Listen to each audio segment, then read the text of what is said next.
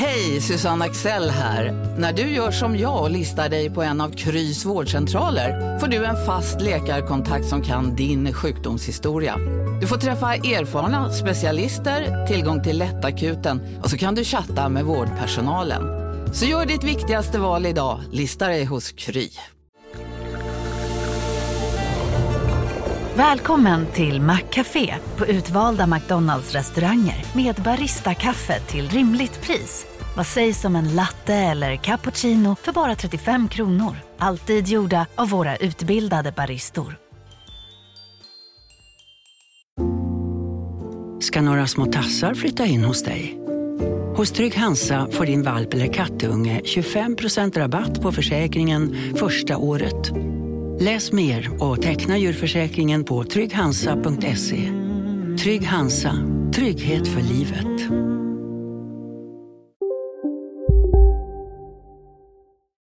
Från mina dagar som kryptoreporter så eh, prenumererar jag fortfarande på väldigt mycket kryptonyhetsbrev. Mm, okay. Och det, det är för underbart. Man slutar aldrig häpnas över vad de kommer på där borta. Finns de kvar de här breven? Eh, oh ja, verkligen. Eh, nu fick jag till exempel då The Daily Edge. Det är så att dagligt och ibland kommer det fler gånger om dagen om, om kryptovärlden. Headlinen Vector Reserve is introducing VETH, enkel VETH, DeFi's first liquidity position derivative, LPD. Use LRT's LST to mint ETH and Vector will pair them into liquidity positions to boost your yields via additional LP fees, DEX emissions and soon superfluid staking.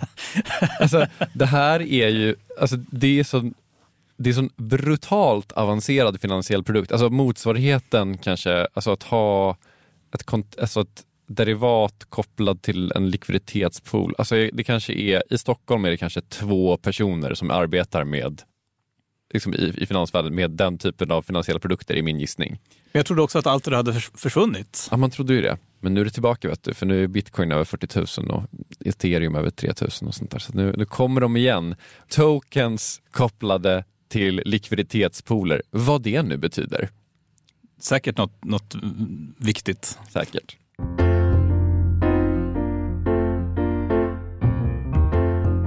Från Monopol Media, det här är Kapitalet. Jag heter Gunnar Harjus. Jag heter Jakob Bursell.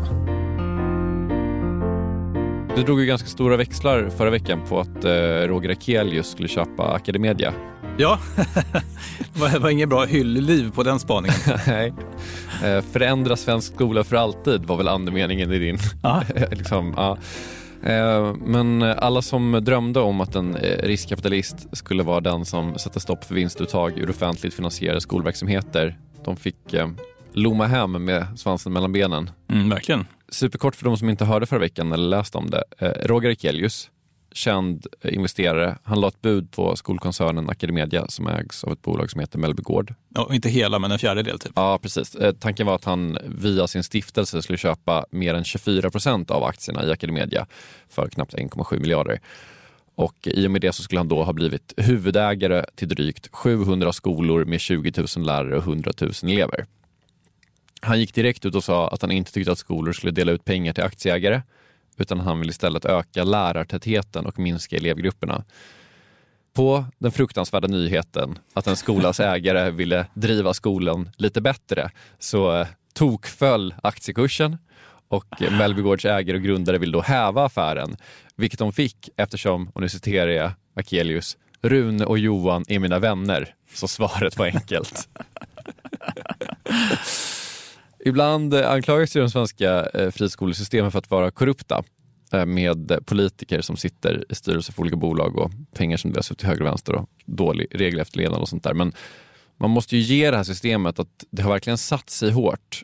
Det är nu så etablerat att inte ens någon som köper det fair and square får köpa det för sina kompisar om personen vill börja driva det på något annat än strikt affärsmässiga grunder då har, man, då har man verkligen lyckats etablera ett system. Jag håller med. Och jag har verkligen funderat nu efter helgen vad tusan som hände där bakom kulisserna mm. när, den här affären eh, stoppades.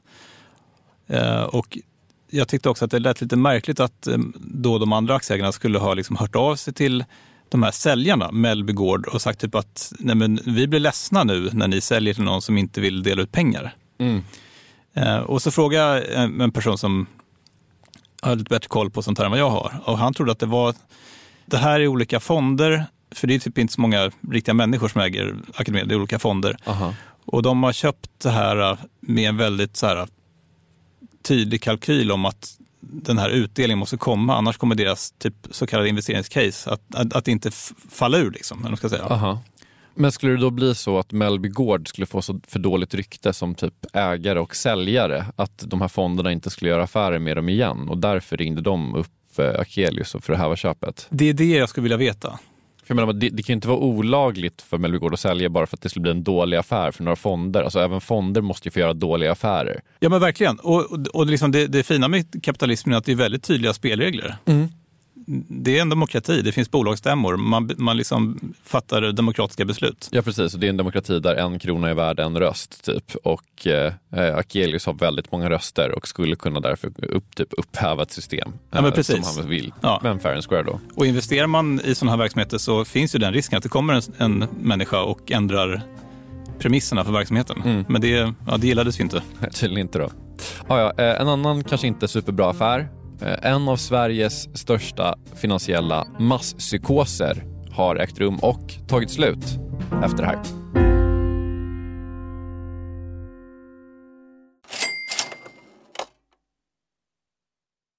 Kapitalet sponsras av SPP och Storebrand Asset Management.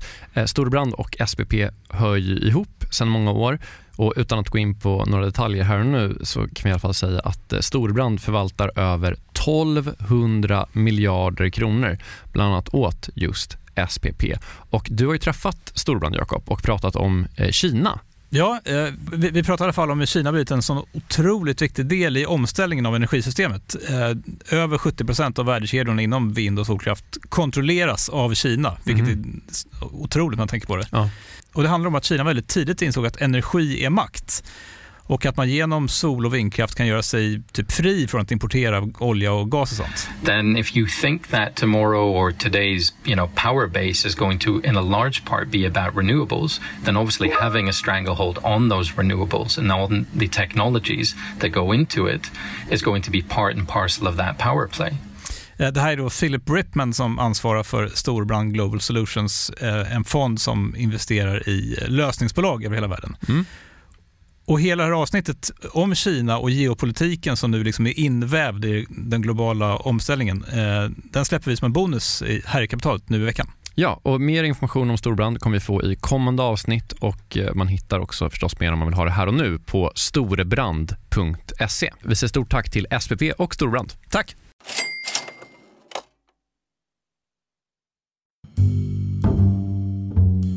I veckan, eh, lite oväntat, så sparkades vdn för eh, det börsnoterade företaget Storskogen, Daniel Kaplan. Och då tänker du, har vi blivit Bolagsanalyspodden nu? Jag vet inte, har vi? Ska vi ta emot oerhört? Nej, det här är en historia som är kul att känna till eh, och som man liksom kan lägga till den svenska ekonomins kanon. Kan man säga att ekonomin har en kanon? Absolut, verkligen. Krügerkraschen till, vad hette det sa du, Storskogen? Storskogen. Ja. Mm. Mm. Om jag säger IT-bubblan, då, då säger du kanske något bolag. Ja, eh, man säger väl bo.com, antar jag. Mm, Framfab ett annat. Ja. Och, och pratar man om liksom finanskrisen och den eran, då säger man Ja, det är ju flest amerikanska banker man tänker på. Eh, Men eh, kanske i Sverige är det väl HQ kanske? kom, precis, de kom där i Ja. samma veva lite senare. Ja, HQ Bank. Och om jag i framtiden säger den stora bubblan 2021, liksom nollräntebubblan, Mm. då, då kommer många säga SBB Mm. Och Storskogen. Mhm. Ett bolag som, som gjort eh, miljonärer till miljardärer, som gjort eh, miljardärer till miljonärer lite senare i, i händelseförloppet. Mm. Ett bolag där aktiekursen nu är ner 90 procent och där grundaren och vdn eh, nu fick sparken och där finansmedia i veckan gör bokslut och säger att fiaskot är fullbordat. Jag tänkte att vi ska ha en kort historik för att man ska kunna berätta det här på, sin, på liksom nästa dejt. Min tjej tror jag sitter på nålar. Eh, Daniel Kaplan, eller Kaplan, han är arvtagare i den här Kaplan, Kaplan-familjen. Kan du hjälpa mig med uttalet här? Eh, Kaplans, Kaplans, sa, ja. man var där, om det auktionshuset vi pratar om alltså. Precis. Ja. Eh, och, och Daniel själv, då, är- han, han är serieentreprenör, grundare av Tradera. Mhm. Eh, lite kul. En annan, eh, han, alltså, han går i familjens fotspår, fast digitalt. Precis. Stort nätverk. Jag tror kanske så gamla pengar om man ska parafrasera vad en kvällstidning hade skrivit. Vi är inte sådana.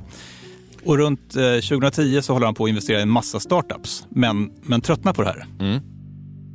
Och då pratade jag med min granne Ronny Bergström. Och han var styrelseordförande för ett antal bolag uppe i Norrland. Och han sa just det att nej, men de är jättefina bolag. Det är vettiga människor, långa kundrelationer. De vet vad de håller på med. Men vet, barnen har flyttat därifrån. De vill inte åka tillbaka och böja plåt i källaren. Och det är för stort för personalen att ta över och för litet för private equity och för växer inte tillräckligt snabbt för tillväxtinvesterare och, och generellt för osexiga branscher för, för venture. Så att då fanns det ju, öppnas det ju liksom affärsmöjligheter där. Att köpa fina bolag till rätt pris. Tack snälla. Då har du lyssnat på Anti Så Daniel Kaplan och några vänner tar in pengar och det är väl här då nätverket kommer till sin rätt. Eh, från folk som Carl-Johan Persson, H&M, eh, Carl-Johan Bonnier, Bonnier, Peter Settman, Ronny och Ragge. eh, Bengt Brown som är någon slags kändisfinansman, Peter Wallenberg, ja men du hör. Ja. Och så börjar man köpa bolag. Lönsamma bolag i alla tänkbara olika branscher. Det här får ju då noll uppmärksamhet i media de, de första sju, åtta åren och det är liksom efterhand svårt att veta om, om det här är storytelling eller strategi. Men, men när Daniel Kaplan till slut berättar om bolaget i media 2021 så berättar han att i kontrast då mot andra liksom klassiska riskkapitalbolag så går Storskogens affärsidé på att köpa bolag, äga dem för evigt och sen bara låta dem sköta sig själva. Mm. Det är inte så här, nu ska vi ta förluster i sex år, och sen kommer, kommer, kommer jätte- jättemycket pengar och då kan vi kränga dem. Nej, precis. Han säger också att det finns typ en arrogans eh, i Sverige där riskkapitalister tror att de vet bäst. Någon slags Stockholmscentrering. Eh, Medan han tänker att det är entreprenören som vet, som vet bäst. Mm. Okej, och vad är det för entreprenörer han investerar i? Då? Alltså, vad är det för bolag som han köper? Vad, vad, är, vad är liksom själva vad är storskogen om du förstår vad jag menar? Alltså, vad, vad är det för företag han lägger på hög? Mycket berättigad fråga. Ja. Och om man tar ett klassiskt riskkapitalbolag så är ju idén att köpa typ alla handelsträdgårdar i Sverige. Mm. Alla veterinärer gjorde ju någon, tror jag, H&M Marvinge. Ja, men precis. Ja. Sånt finns också. Och så samordnar man inköpen, man, man liksom likriktar produktutbudet så att alla säljer liksom en Benjamin Fikus och en kratta. Och så stoppar man in allt samma affärssystem, man gör sig av med all överflödig personal och sen sätter man alltip på börsen. Ja. Det här kallas för värdeskapande i, i liksom riskkapitalvärlden. ja, och ibland så är det ju typ lite väl cutthroat kan det ju få kritik för och att det, allt blir väldigt likriktat. Men å andra sidan så är det ju, alltså, man får ju stordriftsfördelar. Verkligen, det är hela affärsidén. Ja. Men, men den typen av riskkapitalbolag, de klassiska, de är ju kontrollfreaks. Storskogen var det mjukare och snällare liksom, investeringsbolaget. Idén var mer liksom att köpa de här bolagen, sätta vdarna för bolagen i samma rum och, och sen bara se om något händer. Eh, typ som ett datingprogram. Så de köpte exempelvis ett golvföretag i Växjö och sen såg ledningen i, i bolaget en möjlighet att, kö- att köpa andra golvföretag. Och, och vips hade Storskogen köpt sex nya golvföretag och så hade man monopoliserat den svenska golvdistributionsmarknaden. Eh, Så till slut 2021 så ägde man bandvagnstillverkare, smyckesbolag, småhustillverkare, hönserier, alltså någon slags äggkläckningsverksamhet Okay. Eh, grossister till djuraffärer, hårvårdsproduktsdistributörer. Alltså du hör, det är ju totalt orelaterade verksamheter. Ja, jag kan inte komma på en enda sak som en äggkläckare har gemensamt med en hårvårdsproduktsdistributör. Du ser inte synergieffekten riktigt. Man kanske kan typ förhandla ett gemensamt elavtal eller någonting. Jag vet inte. När det här bolaget till slut hamnar på, på folks radar 2021, de har köpt 200 bolag som tillsammans omsätter 9 miljarder kronor. Men det som står ut här, det kanske inte är den brokiga buketten man har skapat, utan hur snabbt storskogen har vuxit. Alltså man köper 40 till 50 företag om året. Det är ju helt sjukt om man tänker på det. Och de börjar expandera i, i utlandet, man köper bolag i England, Tyskland, man ska in i Singapore. Alltså ingenting kan, kan stoppa den här förvärvsmaskinen som plötsligt sysselsätter liksom 100 ma experter på Blasieholmen. Och sånt där. Men du, även om det är massa rikingar och eh, citat gamla pengar, slutcitat, bakom det, vad, vad, vad, är- det är ändå mycket pengar som ska till för att köpa 50 bolag om året. Absolut, om, om man gör det här med, med banklån då.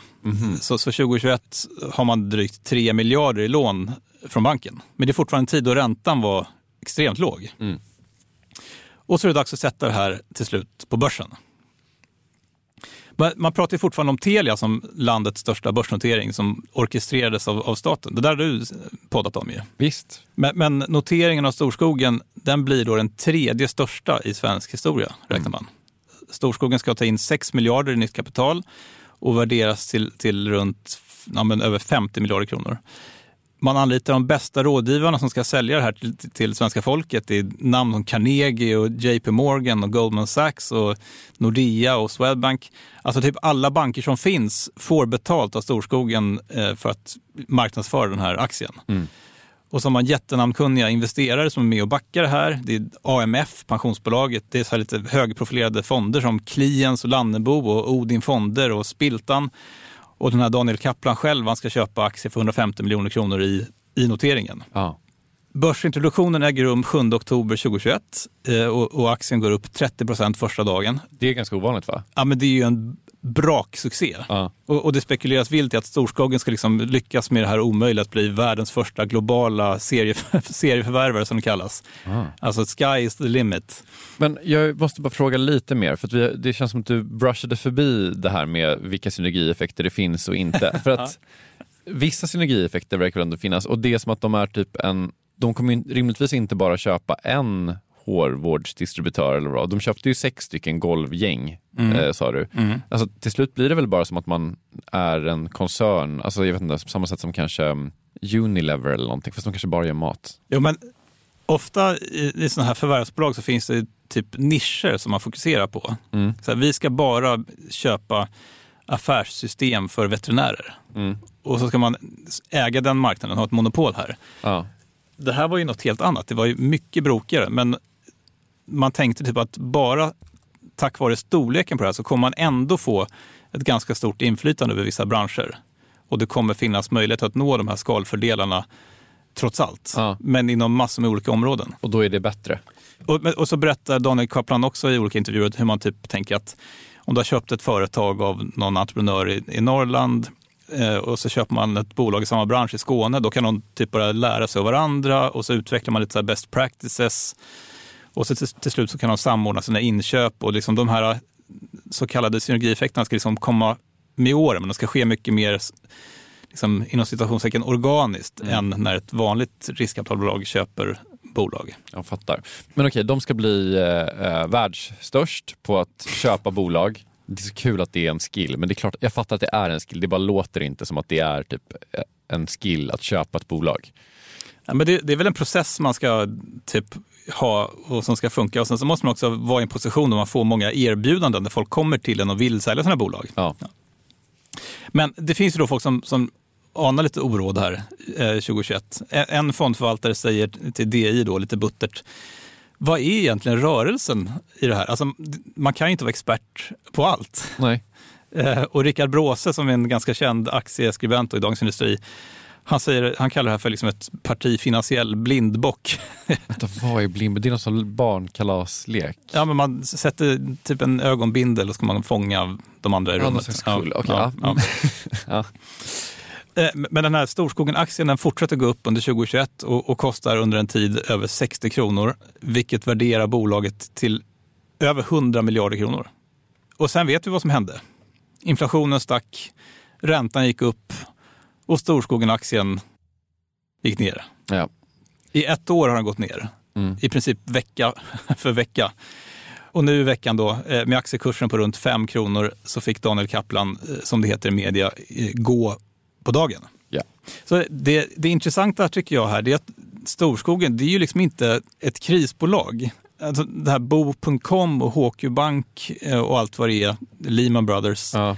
De förlorade ju miljarders miljarder. De, men de, de kommer ju gå till historien för att de i princip försvann. Mm. Men, men Storskogen omsätter 36 miljarder och de tjänar en miljard trots att liksom räntorna är mycket högre. Att de gör vinst. De gör vinst fortfarande. Så det är på sätt och vis en otrolig prestation av den här Daniel Kaplan. Att, att, Årets vd, låter det som, eller? jo, men att han har satt ihop det här på tio år, det, det är ofattbart egentligen. Ja. Utan Storskogen går ju snarare till historien nu som det kanske tydligaste exemplet på den liksom ofattbara masspsykos som rådde under ett par år då räntan var noll. Och, och då Sveriges smartaste finansiella hjärnor, alltså fonder, pensionsbolag, banker, rådgivare, alla trodde att träden i den här storskogen skulle växa till himlen och att aktien liksom skulle bara fortsätta gå upp. Ja. Men jag tror att när, när liksom historien nu skrivs och, och, man gör det här bokslutet för storskogen så, så, så, tror jag skuggan i väldigt hög utsträckning han, liksom faller över alla banker och rådgivare och liksom alla de som bidrog till att den här spekulationsbubblan som uppstod runt den här aktien. Mm. Och det är klart, bolaget finns kvar, men det är ju väldigt många människor som har förlorat väldigt, väldigt mycket pengar på den här aktien. Mm. Och många av dem är säkert småsparare. Mm.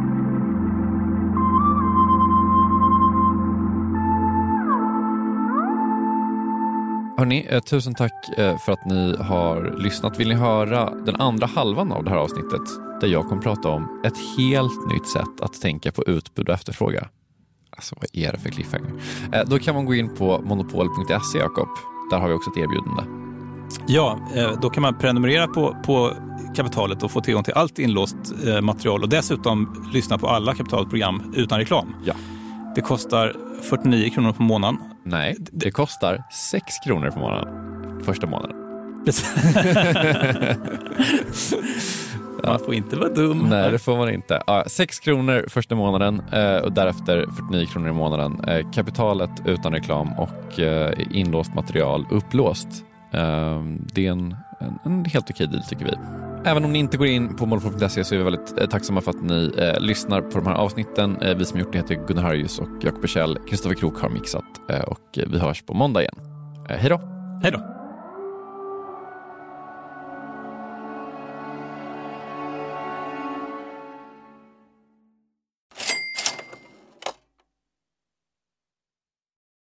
Jakob, vi har ett samarbete med Pareto Business School och det här är jag rejält nyfiken på. För ja. att, eh, eh, så här, vi jobbar ju sida vid sida, bokstavligen, sitter bredvid varandra och då och då så håller du upp ett finger och säger nu måste du vara tyst i en timme för nu ska jag eh, göra något Pareto.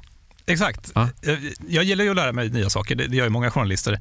Eh, så den här våren går jag då en åtta veckor lång så kallad mini-MBA.